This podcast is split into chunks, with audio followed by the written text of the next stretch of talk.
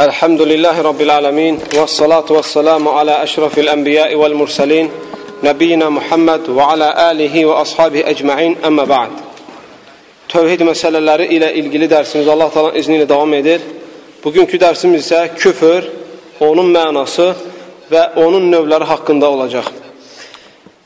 Küfür, lüğati mənası örtmək, gizlətmək deməkdir.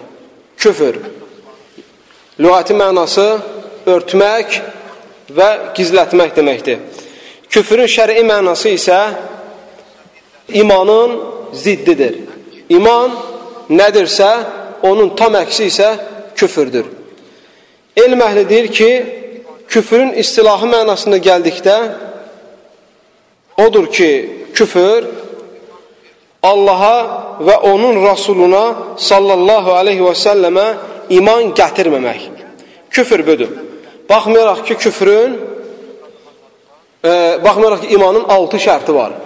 Allaha iman, peyğəmbərlərə iman, mələklərə iman, kitablara iman, axirət gününə iman, qəza və qədərə iman. Lakin elm əhli deyir ki, küfrün əsl mənası Allahı və onun Rasulunu inkar eləməkdir. Allahı və onun Rasuluna inanmamaqdır. Amma o birisi şeyləri saymırlar. Bu ikisi ilə kifayətlənirlər. Ona görə ki, O bir kim Allaha və onun Rasuluna inanırsa, o birisilərə də özündən asılı olmayaraq inanmış hesab olunur. Əgər Allaha və Rasuluna inanmırsa bir adam, o birisilərə heç ondan soruşulmur ki, inanırmı, yaxud inanmırmı? Elm əhli deyir ki, küfrün iki növü var. Küfrün iki növü var. Böyük küfür və kiçik küfür. Böyük küfür beş halda baş verir. Böyle küfürün beş növü var. Birinci növü yalanlama küfürü.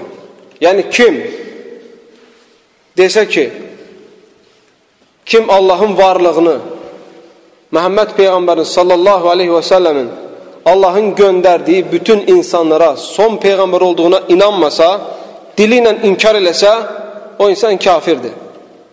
O insan müsəlman sayılmır nə əməl edirsə etsin, Allah onu qəbul etmir. Deməli, birinci növ nədir? Dillə yalanlamaq. Kim Allahı və onun Rasulunu dillə yalan, yalanlayarsa, o insan artıq kafir olur. Buna dəlil nədir? Ankabut surəsinin 68-ci ayə. Allah Teala buyurur: "Və men azlamu mimmen iftara alallahi keziben." Allahın adıyla yalan danışandan Allaha yalan yere iftira atandan daha zalim kim olabilir? Av kezzebe bil hakki lemme ca'ehu və yaxud da ona haqq gəldikdən sonra, doğru gəldikdən sonra, həqiqət gəldikdən sonra onu heçə sayan, yalan sayandan daha zalim kim ola bilər? Deməli, kim Allahın varlığını, Rasulullahın onun elçisi olduğunu ona bəyan olunduğu zaman inkar eləyərsə, ondan daha zalim heç kəs ola bilməz. Əleysə fi cəhənnəmə məsvən lil kafirin. Həqiqətən cəhənnəm inkarçıların, kafirlərin məskənləri deyilmi? Yəni ayətin sonu ayətin əvvəlini açıqlayır. Kim Allaha iftira eləyərsə, Allahı yalanlayarsa, Allahın dinini, şəriətini, peyğəmbərini yalanlayarsa, ona haqq deyildikdən sonra haqdan üz çevirərsə, o insan kafir olur. Və Allah Taala deyir ki, onlar üçün cəhənnəm onların gedəcəyi, oturacağı məskənləridir, məskunlaşacağı yerdir. Küfrün ikinci qismi isə rədd etmək və kibirlə qarşılamaq küfrü. Bu qəlblə olur. Bayaqki dillə olurdu, bu qəlblə. Kim qəlbi ilə Allahın varlığını, Məhəmməd Peyğəmbərin Allahın elçisi olduğunu inkar eləyərsə, qəbul etməzsə, rədd edərsə və yaxud da kimsə gəlib onu anlatdığı zaman özünə sığışdırmazsa qəbul eləməyi o insan kafirdir. O insan inkarçı hesab olunur, kafir hesab olunur. Buna dəlil nədir qardaşlar? Baqara surəsinin 34-cü ayəsi. Allah Taala buyurur: "Və iz qulna lil mələikəti iscudu li Adama fəsəcədu illə iblis. Əbə və istekbara və kana minəl kafirin." Biz o zamanki mələklərə əmr etdik ki, Adəmə səcdə edin, hamsı secde ettiler iblisten başka. O onu reddetti. Allah'ın emrini kibirle karşıladı ve buna göre de kafirlerden oldu. İblis buna göre de kafirlerden oldu. Ona göre kim Allah'ın varlığını ve Muhammed sallallahu aleyhi ve sellemin Allah'ın peygəmbəri olduğunu və o gətirdiyi şəriəti kim rədd o kibirindən, özünü böyük tutmağından onu qəbul etmək istəməzsə, o insan da necə iblis kafirlərdən olub, o, o insan da buna görə kafirlərdən olur. Üçüncü qismi küfrün, yəni insanın kafir olmasına aparan üçüncü növ isə şək küfürü, şək. Yəni bir adam əgər şək eləsə, Allah varmı, yoxdurmu? Məhəmməd Peyğəmbər Allahın Peyğəmbəri idimi, Peyğəmbəri deyil idimi? Şək şübhə eləsə, o insan yenə kafir sayılır. Çünki müsəlman, həqiqi müsəlman Allahın varlığına, təkliyinə, tək ibadətə layiq olduğuna, ibadətlərin hamısının onu sərf etməyin vacib olduğuna və Rasulullah sallallahu aleyhi ve sellemin onun son elçisi olaraq bütün insanlara aid olduğuna inanmasa, buna şək eləsə o insan müsəlman ola bilməz. Buna dəlil Kəf surəsinin 35-dən 38-ci ayəsinə kimi. Və bu uzundur, bunu qısa olaraq keçirəm. Ona görə kimin vaxtı olsa gedin Kəf surəsinin 35-ci ayəsindən 38-ci ayəsinə kimi baxın. Dördüncü qismi isə kufrul i'rad, üz çevirmək küfrü.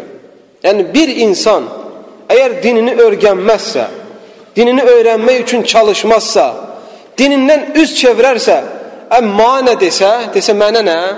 Mən nə öyrənmirəm, nə öyrətmirəm, bu insan da yenə kafir olur. Nəyə görə kafir olur qardaşlar? Çünkü eğer bir insan aktarmazsa dini, eğer bir din bir insan dini araştırmazsa o insan neyi tanıyacak ki? Allah'ı nece tanıyacak ki? Şirki küfrü nece ayırt edebilecek ki? Pisliklerden nece kaçabilecek ki? Demeli bir insanın dinde kalması için, Müslüman olması için dinden, Allah'tan ve onun peygamberinden üz çevirmemelidir.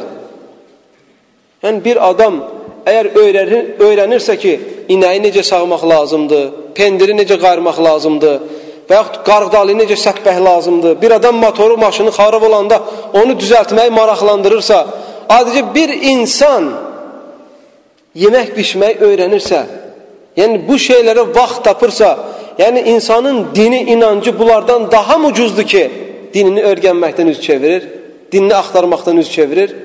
Ona görə də kimlər bugünkü gündə haqqı axtarıb, dini axtarıb öyrənməsələr, qiyamət günü Allahın qarşısında onların üzrü olmayacaq.